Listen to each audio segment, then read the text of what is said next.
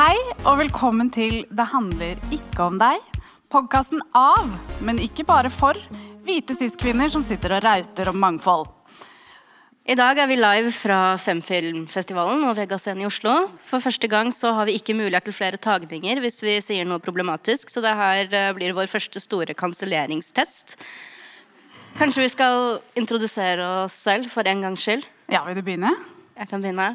Eh, jeg heter Maren Celius Blix. Jeg er først og fremst menneske. Eh, jeg driver nettstedet twitter.com, hvor eh, jeg er best kjent som Fuxia Blix. Til vanlig så jobber jeg med diverse tekstbehandling og kontorarbeid. Og hvis du spør meg, så kan jeg fortelle deg om ti spennende prosjekter jeg har gående. Og hvis du spør meg gjennom et år, så har jeg ikke begynt på noen av dem. Uh, og jeg er ikke ute etter noe seriøst akkurat nå, men jeg liker det veldig godt. Takk. Hei, jeg heter Malin Kulseth. Uh, og jeg fant uh, nylig ut at det er i dag jeg blir 34 år. jeg har trodd at jeg har vært 34 helt siden i fjor en gang. Det er litt av en prestasjon. Um, så jeg går inn i mitt 35. eller Jeg husker, vet ikke hvordan man regner. Er det 35. eller er det 36.? Og, ja, uansett. Um, jeg pleide en gang i tiden å bli omtalt som både musikktopp og musikkbransjeprofil, og har en relativt eh, variert karriere bak meg i krysningspunktet musikk og media. Men nå har jeg altså vervet meg til Kulturkrigen sammen med Maren. Eh, og vi sitter her og kjemper med nebb og klør. Eh, og jeg beklager på forhånd at to hvite cis-kvinner skal gå inn i denne materien og anerkjenner med dette at jeg er en svært privilegert kvinne som har fått en haug jobber i stor grad på grunn av, og ikke til tross for, at jeg har vært en ung hvit kvinne med relativt anerkjente foreldre i den kulturelle øvre middelklassen. Men nå skal jeg altså fortelle dere om hvorfor mangfold og representasjon er viktig, så her går! Eh, og Vi skulle jo gjerne intervjuet noen som kan mer om dette, eller føler utfordringene vi snakker om på kroppen, og intervjuet dem. Men det er også viktig å anerkjenne at hvis det bare er minoritetene selv som snakker høyt om sine utfordringer, så kan det oppfattes som utfordringer som kun angår en liten gruppe, og ikke oss alle. Ingen av oss er filmvitere eller analytikere, så vi har på oss noen veldig store eh, briller med tykke glass og snakker om kultur i et større perspektiv, som ikke nødvendigvis begrenser seg til fanene kunst, musikk, film, litteratur og scenekunst, men om kultur som det som foregår mellom mennesker. Eh, vi lever i et samfunn. Ideer, vaner, sosial oppførsel, for å gi dere ordbokdefinisjonen. Så hva, Maren, hva er egentlig det normative blikket? Det er ganske selvforklarende, det normative blikket. Men uh, du kan jo si at det er verdensanskuelsen og livsoppfatningen til normen. Og normen følger ofte majoriteten. De som er mest toneangivende og har mest definisjonsmakt, er ikke nødvendigvis en majoritet i seg selv. Men de kommer ofte fra og representerer normen. Er ofte de som har hatt færre hindre, eh, eller færrest hindre i å komme seg opp og fram. Og så får man da en selvforsterkende kultur i kulturen, og det skal vi snakke mer om. Det er mer sånn intromessig.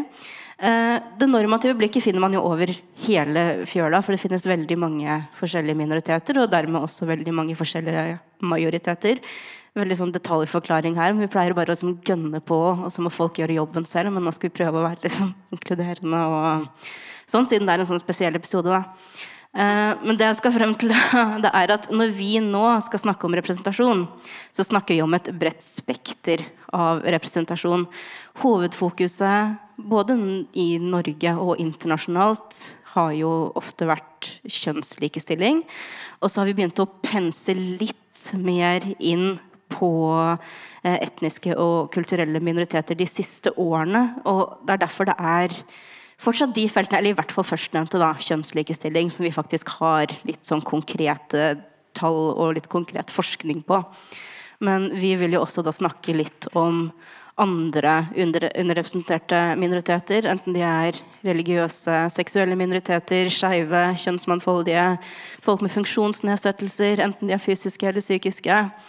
Uh, jeg skal ikke bli for meta, men siden vi har vært inne på at vi også er uh, hvite cis-kvinner, så er vi jo også begge Vi tilhører jo også enkelte minoriteter.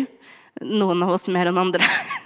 Eh, og altså, vi skal ikke gjøre noe sånn talepunkt ut av det, men det er jo også en viss selvopplevelse sånn involvert i det vi skal snakke om. Men vi kan ikke sitte her og late som at vi vet noe som helst om minoritetsopplevelsen ved å være f.eks. en kulturell minoritet eller en transperson, f.eks. Um, men vi skal da snakke om minoriteter, eller representasjonen av minoriteter i kulturen generelt. Men for anledningen, siden det her faktisk er en filmfestival, så skal vi ha litt oppmerksomhet retta mot film og TV spesielt. Så norsk film og TV. Hva er ditt uh, ståsted per nå? Kan du, kan du greie ut hva, hva, hva, har du sett, hva har du ikke sett? Liker du norsk film og TV? Svar ja eller nei. Nei. og så takk for oss. Takk for oss. Det var veldig hyggelig at dere kom. Um, uh, nei, jeg må nesten innrømme uh, at jeg ikke har sett så veldig mye norsk film uh, eller TV de siste årene. men det er jo nettopp da fordi at jeg sjelden finner noe som jeg relaterer til personlig, eller som er så bra at jeg liksom kan slappe av og kose meg med det da, uten å synes at det er utrolig ubehagelig å se på. Eh, og vi kommer til å bruke noen konkrete eksempler. Uh, for jeg har sett noen filmer de siste ukene i anledning uh, dette. Um, så Men vi skal også Ja, vi snakker litt generelt. Maren, liker du film? Jeg har ikke sett noen. Har du ingen? Ok! Neida, jeg, jeg, deler din oppfatning av at det er liksom vanskelig å finne noe å kjenne seg igjen i. Sånn, jeg er veldig lei av øvre middelklasse eksistensiell angst. I, uh, Hva norsk. mener du? Ja, nei, altså, jeg, hørte jo at uh, Inger Merete Hobbelstad sa på var det Dagsnytt 18 her at uh, ilandsproblemer er også problemer, og det fikk meg til å tenke at kanskje det er sant. Og jeg håper jo da at jeg får sett det skildra på film og TV eller i bøker en eller annen gang, for det, det hørtes veldig spennende ut. Men, ja, det har vi aldri sett før. Men representasjon er jo viktig, og det er spesielt sånn Du kan, du kan todele det litt, da. Du har to viktige grunner til det. Eh, det ene det er jo viktigheten av at minoriteter ser seg selv representert.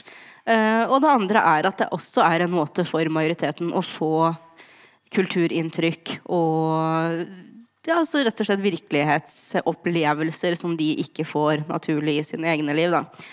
Eh, og ofte så brukes uttrykket 'hard to be what you can't see' i, av, altså, folk som driver med de greiene her. En slags eh, 'du tror det ikke før du får se det'-opplevelse. Hvor du Derfor er det jo poeng for meg å si at jeg savner over gjennomsnittlig intelligens. Jeg føler, føler det er veldig, veldig, lite til stede. Jeg skal gi deg den siden det er bursdagen din. Uh, nei, nei, men Hvis du ikke ser noen som deg selv innenfor et hvilket som helst område, da, ikke bare film, TV og, annen populærkultur, åpenbart, så internaliserer du det, og så tar du litt for gitt at det ikke finnes rom for mennesker som deg selv der. Eh, for noen, altså det her var mer aktuelt før internett ble en så stor greie, men for mange så var det jo film og TV som kanskje fikk dem til å innse at de ikke var alene. At det fantes andre mennesker som dem. Spesielt hvis du tilhørte f.eks. en seksuell minoritet eller hadde normavvikende altså, kjønnsuttrykk, f.eks. At dette er den eneste måten de kanskje kunne vite at de var ikke alene. De var ikke eh, et, altså, et monster, et avvik. Eh, og det, det, er godt for eh, den psykiske helsen var å gjenspeiles i kulturen. Både den fysiske virkeligheten rundt deg og populærkulturen. Og det hadde vært sånn kjempeflott da, om vi alle bare kunne, vi kan være fargeblinde, og vi ser bare mennesker, og så lenge er, vi ser et menneske der, så er vi åpenbart velkommen. og det er sånn, De tankene kan vi liksom spare til sånn filosofer på, på P2, og så kan vi forholde oss uh, til virkeligheten. Det er veldig defensivt av meg å si, men det er sånn, man møter alltid det argumentet da, i den samtalen her. At det er, det, er, det er rett og slett omvendt rasisme av svarte mennesker å ville se andre svarte mennesker mennesker på TV. Eh, fordi de ikke kan nødvendigvis alltid relatere til den hvite opplevelsen.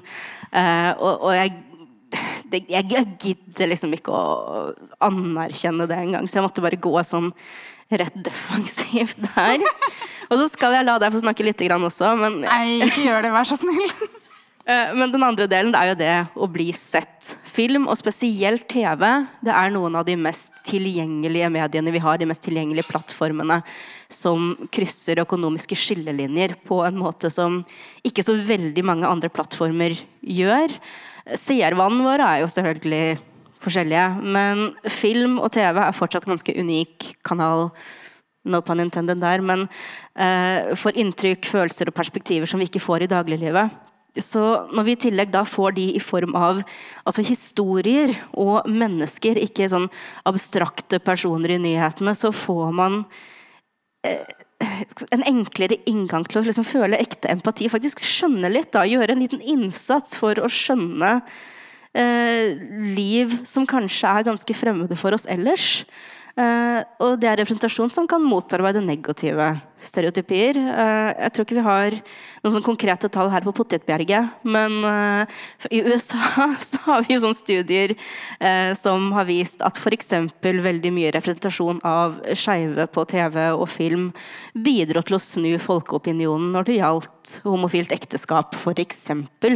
Hvis noen vil faktasjekke meg her, hvis sånn Doremus Schafer her, eller noe sånt, så heter den studien 'Equality, Morality and the Impact of Media Framing' og kan googles. Uh, så du har konkrete tall og forskning å vise til uh, som viser hvordan det her faktisk kan bidra på et samfunnsnivå. Det har jo ringvirkninger. Det handler ikke bare om at noe er på TV for å være på TV. Kult. Kult sagt.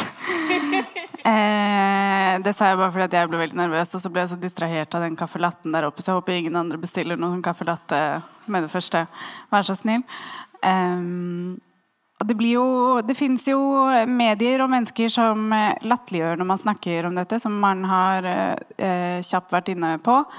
Eh, og det, finne, altså, det, finnes noen fallgruver eh, ved liksom, mangfoldskrav fra Kulturrådet og andre organisasjoner. Og noen vil jo argumentere for eh, at kunsten blir mindre fri hvis man skriver for å prøve å tilpasse seg eh, søknadskrav eh, etc. Men da kan man jo også kontre med spørsmålet hvor fri er egentlig kunsten om det bare er én type kunst eller én type eh, menneske du ser portretteres i kunsten. Det er ikke sånn at manusforfattere ikke kan skrive om opplevelser de ikke har hatt sånn personlig. Å oh, jo. Uh, ja, det, det, det, er en del sånne kronikkskrivende ringskrømt vil ha det til, da, når du etterlyser litt mer uh, mangfold. Uh, men nå avbrøt jeg deg. Nei, jeg gjorde ikke det. Vi har men... en samtale, skjønner du. Så dette, ja, det, dette går veldig bra. Nei, men altså, Vi gnåler jo en del om interseksjonalitet i Det handler ikke om deg, og det kommer vi til å fortsette med. Eh, mm. Hvis vi skal sitere Store norske leksikon igjen, for å bare være veldig sånn inkluderende, eh, så handler det om hvordan sosiale kategorier som kjønn, rase, etnisitet, religion, sosial klasse, seksuell orientering og funksjonsevne kan samvirke og påvirke personers leve- og livsvilkår. Hvem er det du sitter og luftkysser? Skal jeg være sjalu nå? Ja. Ok. Eh, men altså, samvirke er jo et ganske viktig ord her, og det vil jeg litt nærmere inn på. fordi i arrangementsbeskrivelsen her så skrev jeg noe liksom, liksom bare sånn flåsete. Er det virkelig sånn at woke-mobben ikke er fornøyd med mindre man har minst én fattig, skeiv, svart person med funksjonsnedsettelse i enhver produksjon? Og altså, ja, det er flåsete, men samtidig så er det jo sånn at det er veldig vanskelig i et lite land som Norge med en veldig liten underholdningsbransje å speile alle livsopplevelser og, og, og alle sånn, men man kommer jo heller ingen vei med å bare speile én eller to minoriteter som i tillegg da er separate. Uh, og spesifikt, da, jeg vil sitere én person, eller ikke sitere, men iallfall vise til.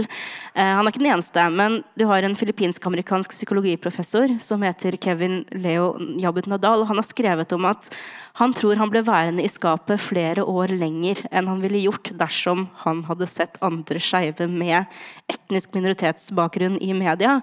Fordi de få historiene han så om skeive, det handlet om så hvite, cis-kjønnede, homofile og lesbiske. Og den heteroseksismen som de kanskje da klarte å stå imot eller overvinne det som skulle være eh, inspirerende fortellinger, var for ham helt fullstendig urealistiske, sånn sammenlignet med de kampene han kjempet da, i, i sin religiøse innvandrerfamilie.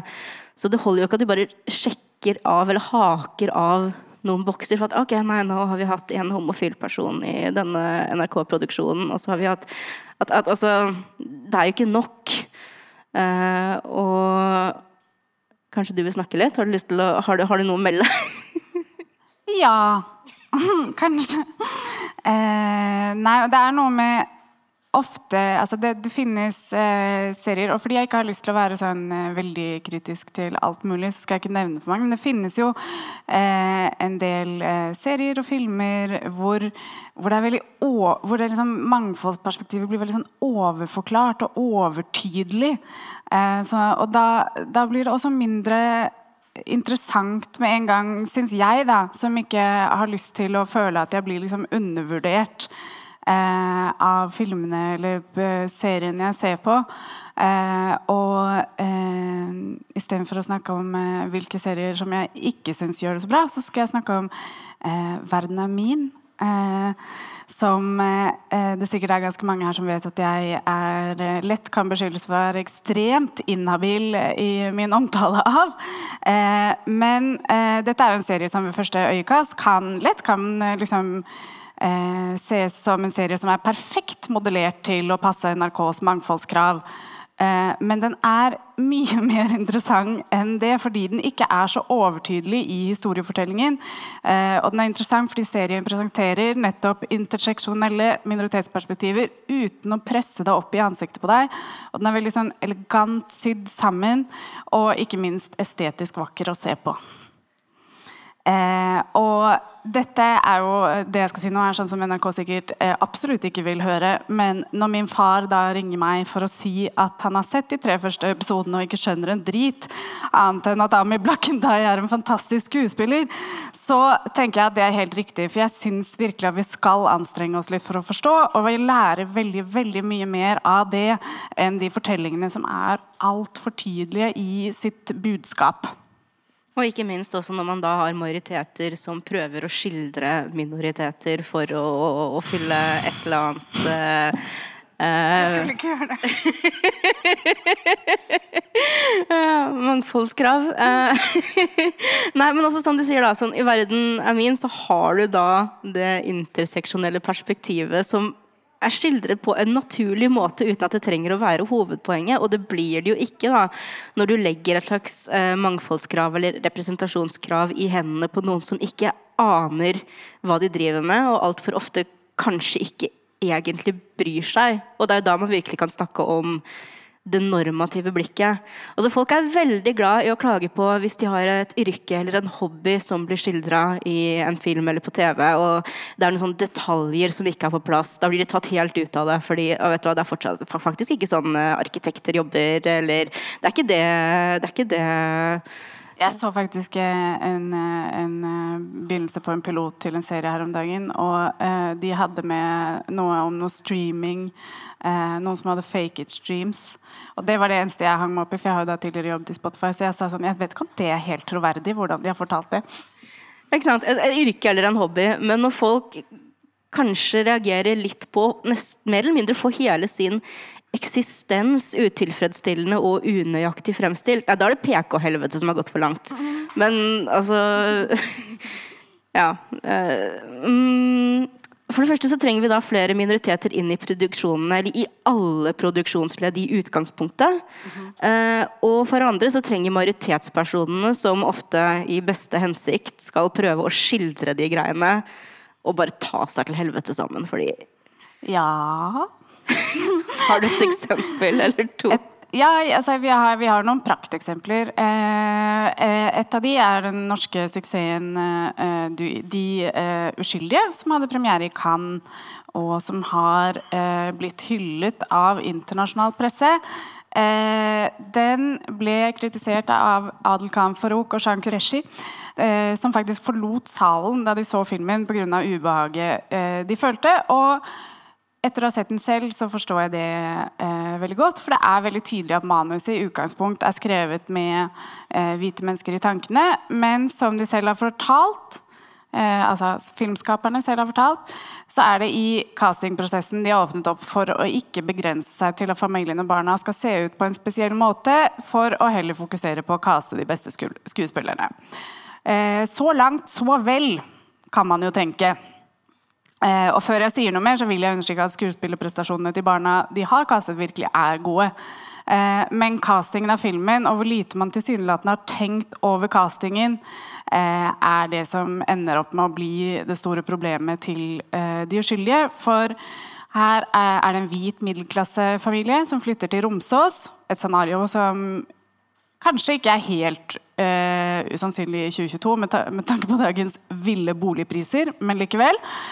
Eh, den gode kjernefamilien er castet som helhvit, mens antagonisten er utlending med en voldelig alenemor. Og filmens andre birolle er datter av en deprimert somalsk alenemor som spoiler alert, og her kan dere få lukke ørene hvis dere virkelig ikke vil vite, eh, som ender med å drepe eh, datteren sin. Og jeg regner med at dere kanskje henger med her. Eh, den eldste søsteren, Anna, er autistisk, og lillesøster Ida sliter åpenbart med å forholde seg til dette. Eh, hun tror at søsteren ikke føler smerte, og utagerer på måter som setter liksom, den ubehagelige stemningen eh, ganske tidlig, og fremstår som et ufyselig barn. Frem til hun møter den brune gutten Ben, som umiddelbart kan ses som en slags assessoar for å få deg til å sympatisere mer med Ida.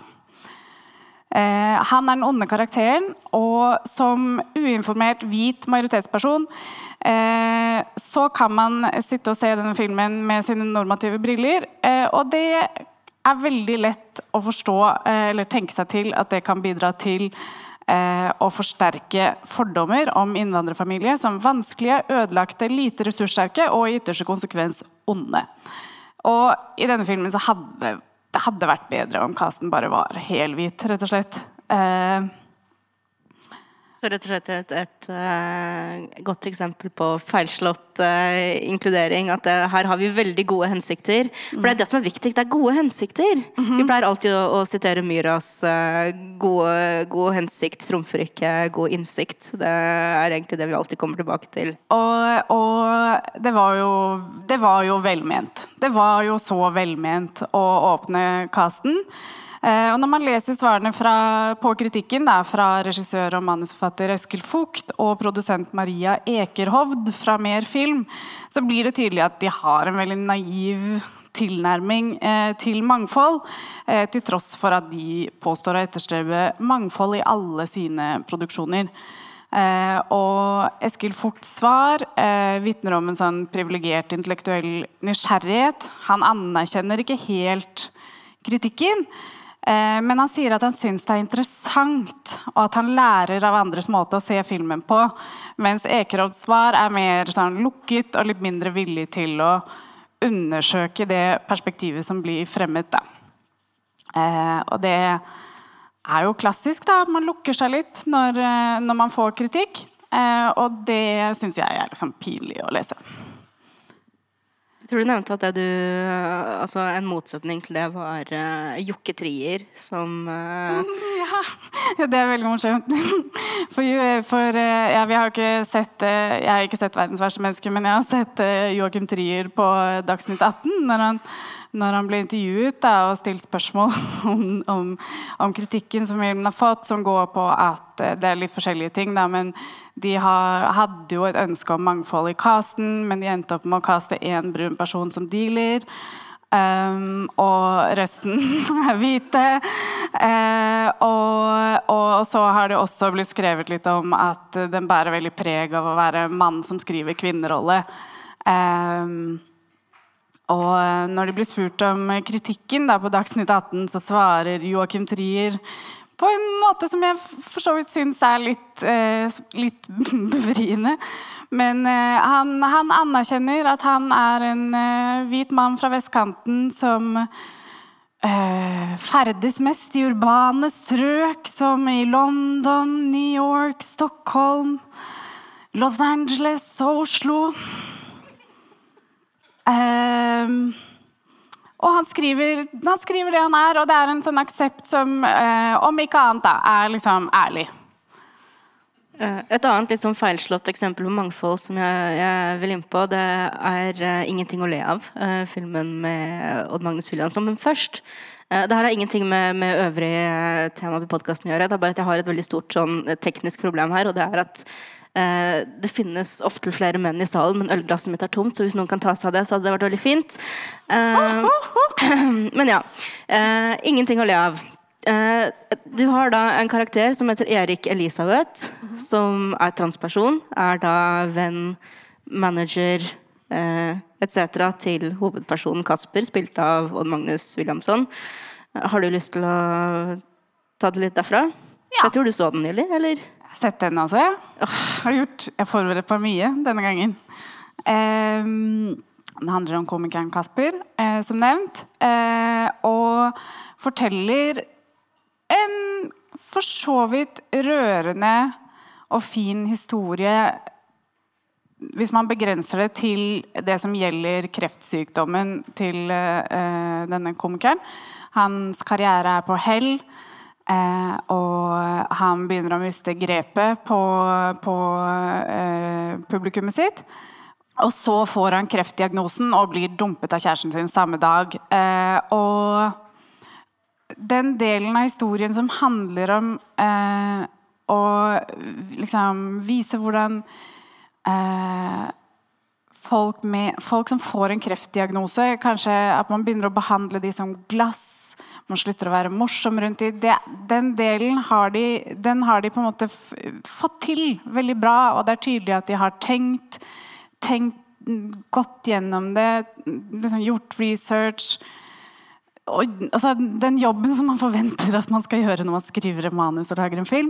Eh, og så har da, eh, som de selv også har fortalt, så har de skrevet inn karakteren Erik Elisabeth som en twist. Eh, for å vise fram det til tider eh, ubehagelige og kleine forholdet mellom ungdom og foreldre. Eh, og Erik Elisabeth er da en transperson. Og blir i altså, Dette er enda et eksempel da, på at man bruker en minoritet som et sånn assessoar eh, og et fortellergrep. For Erik Elisabeth sees da utelukkende fra et majoritetsperspektiv og behandles med veldig lite sensitivitet. Eh, og selv om Kasper da åpenbart aksepterer og har et sånn sterkt og nært bånd med Erik Elisabeth, så er fokuset først og fremst på hvordan hen er veldig krevende å forholde seg til. Eh, for både ham og for datteren, som ikke vil snakke med ham. Eh, altså, eh, og noe som kulminerer i en krangel der Kasper ber Erik Elisabeth om å skjerpe seg av hensyn til datteren. Eh, og den monologen kan liksom forstås på flere måter. Eh, jeg er på en villig til å være raus nok til å gi dem det at intensjonen deres eh, akkurat her nok var å vise at vennskapet dem imellom er så nært at Kasper kan si så drøye ting som at Erik Elisabeth er et nisjemenneske, og at eh, hun må skjerpe seg et lite øyeblikk for å møte datteren på halvveien. Men det er bare ikke sånn det treffer. Eh, den treffer som en sånn knyttneveslag eh, for meg. Eh, og jeg kan ikke helt forestille meg hvordan det vil være for en transperson å se det. Eh, og fremfor å forsterke liksom, følelsen av at transpersoner er de som skal tilpasse seg storsamfunnet og ikke være så plagsomme for andre, så har de liksom mistet da, en gyllen anledning til å gå grundigere og mer undersøkende til verks og fortelle en historie om aksept og støtte til normbrytere. Det er litt som, det som plager meg eh, med den. Det er jo at de har da, som du sier, en gyllen mulighet til å skildre det som veldig mange, ikke bare transpersoner, men skeive mennesker altså Mange vil havne i konflikter med familie som ikke helt skjønner greia, eller også nære venner. De har en flott mulighet til å utforske de konfliktene som skal eller skal, som, som ofte oppstår. Uh, og Jeg leste en veldig fin anmeldelse av en filmhistoriker som heter uh, Gunnar Iversen. Jeg tror den lå på Montasjes, hvis noen har lyst til å lese den. Uh, hvor han også da snakker om at det at den hjertevarme løsningen her er at Erik Elisabeth og datteren Nina de møtes litt på halvveien. Det vil si at Erik Elisabeth kommer på Ninas skole iført uh, dress, altså maskulint uh, uh, presenterende klær. Nina blir veldig glad, men til gjengjeld så får han da sminke av henne Eh, jeg vet ikke. Jeg tror Erik Elisabeth kalles han gjennom filmen, men vi vet jo ikke hva slags pronomen, så vi holder oss til hen uansett. Uh, og her er jo ikke den gylne middelvei den gode løsningen. Uh, det er jo noe Gunnar Iversen understreker, at det er jo rett og slett bare en måte hvor transpersonen blir da bedt om å holde seg litt i skapet, og vi ville ikke nødvendigvis akseptert det med en homofil person, f.eks., i samme setting. Ja, ok, det er greit. Jeg tror ikke de ville skrevet det. Nei, det er bare sånn, ok, du vet hva, det er faktisk greit at, at, at du er homo, men, men, du må bare, bare, ikke være så flamboyant, ikke sant? Og så er dette hjertevarmt, og så går det bra. Og det, det, det bare eh, det, det, funker ikke, da. Og den gylne middelvei er ikke en lykkelig slutt der. Det er en veldig sånn utilfredsstillende endestasjon på en strekning som er brolagt med ganske grov transfobi. Men det er jo velment, da. Det er velment. Det er så velment. Intensjonen var god. Jeg vil bare forresten smette inn, uh, siden vi har nevnt uh, Gunnar Iversen sin uh, anmeldelse av 'Ingenting å le av', så skrev han en veldig veldig bra, ganske nylig artikkel om uh, skeiv norsk filmhistorie på Rushbrain. Så jeg hadde egentlig tenkt å snakke litt mer om den her i dag, men pga. diverse og omstendigheter, så hadde jeg ikke mulighet til det. Men han gir en veldig god gjennomgang av eh, både skeivhet og brytning med kjønnsnormer i norsk filmhistorie. Sånn helt tilbake til en film som heter 'Revolusjonens datter' fra 1918, eh, via en som heter Cecilia fra 1954, og til samtiden. Du har selvfølgelig 'Hva med Vennerød' etc. Men bare vennligst noter dere da Gunnar Iversens artikkel 'Finnes det en skeiv norsk filmhistorie?' på Rushprint, og les den ved anledning, for den er, eh, den er kjempebra. Og så håper jeg vi kan invitere han en gang. For jeg, vi oppdaget han i hva var det i går. Veldig, virker som en veldig fin fyr. men kanskje, ok, Skal vi gå litt sånn mer sånn konkret til verks og snakke om eh, mangfold og mangfoldstiltak i norsk filmindustri? Nå må jeg faktisk sitere veldig sånn konkret her, fordi jeg, jeg, jeg gidder ikke å memorere stortingsmeldinger. altså Det får være grenser. Uh, altså Regjeringen uh, kom med en kulturmelding som heter 'Kulturens kraft' i 2018. Uh, I kulturmeldingen sto det bl.a. at relevans og representativitet skulle være ett av målene for kulturpolitikken. Meldingen la vekt på økt representasjon i alle ledd, en mer mangfoldig rekruttering til kunst- og kulturrelaterte yrker, og øke det kulturelle mangfoldet og nå ut til nye grupper. Og så skal alle få en ponni. Eh, men i alle fall, eh, NFI, Norsk Filminstitutt, eh, de iverksatte noen tiltak, deriblant en undersøkelse hvor de gjennomgikk alle de norske filmene som hadde ordinær kinodistribusjon i perioden 2013-2018. Og det er da 182 filmer hvor de skulle forsøksvis kartlegge mangfoldstilstanden. Hadde de ikke bare sett traileren? Ja, det er et problem. Altså, det er litt sånn utilstrekkelig data her, da, fordi de eh, baserte det ikke på filmene i sin helhet, men trailere og Filmer er jo veldig lange. Og, og det er et stort problem. eh, nei, for NRK hadde da anmeldt samtlige av de filmene. Men det er ment å gi en pekepinn. Det er ikke noe sånn at NFI kommer her og sier at dette er de totale tallene, men sånn, dette er det vi ser. Eh, og det de så, altså igjen via trailere og anmeldelser, det er at ingen filmer med hoved- og biroller som representerer urfolk eller nasjonale minoriteter. Det var én hoved- og én birolle med en seksualitet som ikke er heterofil. Det var Joachim Trier som skrev den. Ingen hovedroller og én birolle med en ikke-normativ kjønnsidentitet. Tre hoved- og to biroller med funksjonsnedsettelse. Fire hoved- og seks biroller som er førstegenerasjons innvandrere.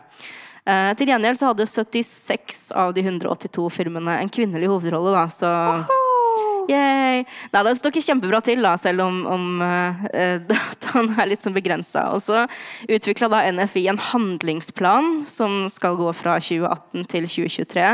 Uh, eh, den innbefatter bl.a. Ja, igjen, jeg må bare lese, for det er en handlingsplan jeg gidder lese. Altså. Mangfold som prioriteringskriterium i NFIs tilskuddsordninger og innføring av et utviklingsprogram for filmskapere som tilhører underrepresenterte grupper. Altså I teorien vel og bra, men uh, jeg vil se eventuelle resultater før jeg Uh, gidder å gå sånn videre inn på den, men dere kan jo søke den opp hvis dere er kjempe Vi følger opp i 2024. Vi følger opp i 2024. Neida, men uh, i samme forbindelse, da, altså på oppdrag fra NFI, så skrev Lise Lien i Fafo en rapport som er litt mer interessant å snakke om.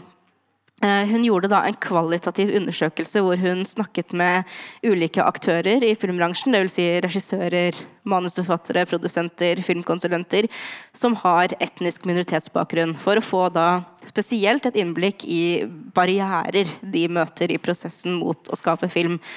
Prosessen ble avgrenset da til etniske minoriteter, for det var liksom det var begrensa hvor mye tid de hadde, og altså, omfanget av det prosjektet var begrensa. Men det er så mange funn og refleksjoner der som er ganske lett overførbare til andre minoriteter.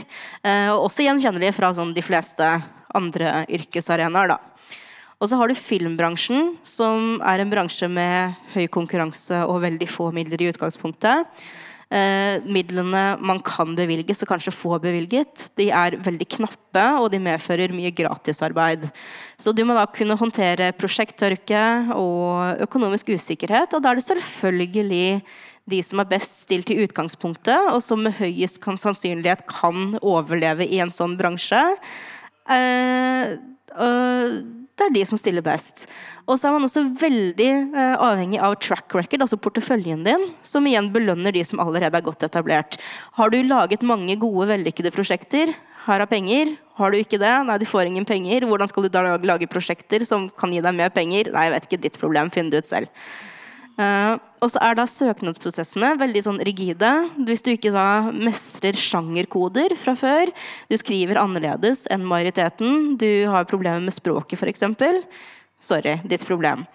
Eh, sterke kunstneriske visjoner de avslås fordi at eh, Nei, de er, de er, for smale for markedet. Sorry. Ingen bryr seg om din livshistorie. Vet du, dette er ikke eksistensiell angst rundt eh, et sommerhus på Hvaler, så da, da, kan vi rett og slett ikke putte det her i produksjon. Eh, og så har du det at jobber i den bransjen lyses i liten grad ut. Det handler stort sett Eh, om egne nettverk. Altså rekrutteringen skjer via egne nettverk. Så hvis du ikke allerede har de rette kontaktene og nettverkene, du behersker kanskje ikke de sosiale og kulturelle kodene i bransjen, eh, eller bransjeterminologien, eh, da står du på bar bakke. Kameraderi og nepotisme, det er veldig fint. Jeg elsker det. Det er det beste i verden. Ja. Så er det også det at det er veldig få personer med minoritetsbakgrunn i formelle maktposisjoner i filmbyråkratiet. Altså de som godkjenner prosjektet. Og det er klart, papiret, På papiret så skal NFI sine filmkonsulenter behandle alle søkere objektivt.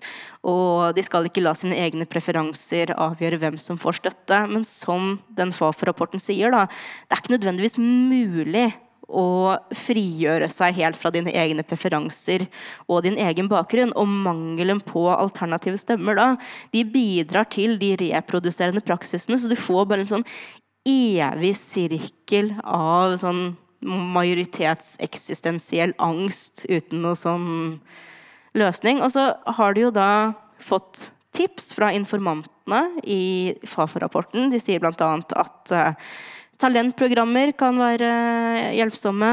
Utviklingsstipender, relevante bransjetreff, moderate kvoteringsordninger, ordninger som gir økonomiske insentiver. Eh, et forslag som jeg syns var litt sånn interessant. Jeg burde egentlig kanskje spurt deg om du hadde noen tanker om det på forhånd. så du kan tenke litt over det, for du er jo en moderne person. Eh, men det var jo at de synes at NFI bør se nærmere på muligheten for å vurdere produksjon i andre medier eh, som en del av track record, sånn som YouTube f.eks. For, eksempel. for det, det, blir jo ikke ansett. Så du, du, må liksom ha en sånn helt konkretisert eh, filmproduksjon for å kunne få det som en del av din track record, da, og det var jo Og da har jo igjen, da, så har jo disse minoritetene crowdsourcet eller altså, NFI har crowdsourcet all jobben. Minoriteten har allerede gjort den jobben. Så da kan de jo egentlig bare sette i gang. Så, det er bare å begynne, for nå har de gjort jobben for dere nok en gang. Da er, vi, da er alle problemene løst, da. Alle problemene løst. Ja, men det var fint. Takk for oss. Hvordan er vi for tid? Bør vi kanskje begynne å runde av snart? Ja, kanskje. Vi kan ta en, sånn... en liten runde til. Vi, vi har jo en aktualitet da, som ikke er film og TV, men det er jo fortsatt scenekunst. Uh, og veien er vel ikke så lang fra teaterscenen til film? Nei, den er der. Teaterscenen er der. Ja, der, og så er det kino der oppe. Ja. Så ja, fint. Uh, nei, da, men Det handler om Ibsenprisen. Uh, og et ganske mektig knippe med scenekunstnere og aktivister. Blant annet er Guro uh, Sibeko, Iselin Shumba og Suleka Ali Omar. De skrev en kommentar i Aftenposten nylig. For det var et sånn jævlig flaut opptrinn på Ibsenprisen. Og blant de nominerte så var jo Kamara Lundestad Joff, som har skrevet 'De må føde oss eller pule oss for å elske oss', det stykket. Et antirasistisk stykke. Og da står tre hvite skuespillere på scenen og skal lese et utdrag fra det stykket, eksplisitt skrevet for mennesker i svarte kropper. Og utdraget medfører da at en av dem bl.a.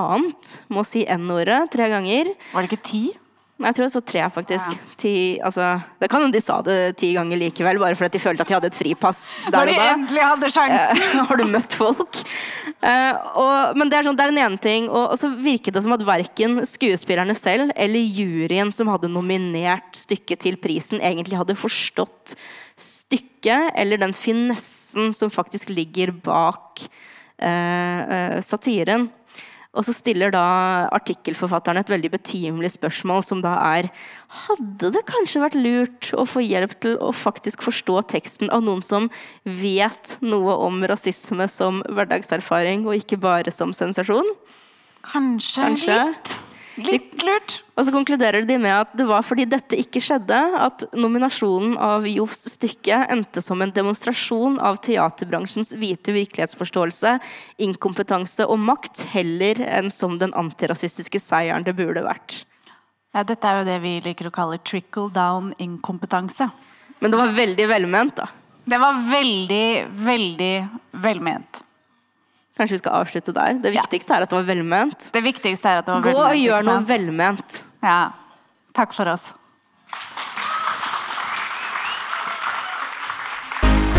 It was just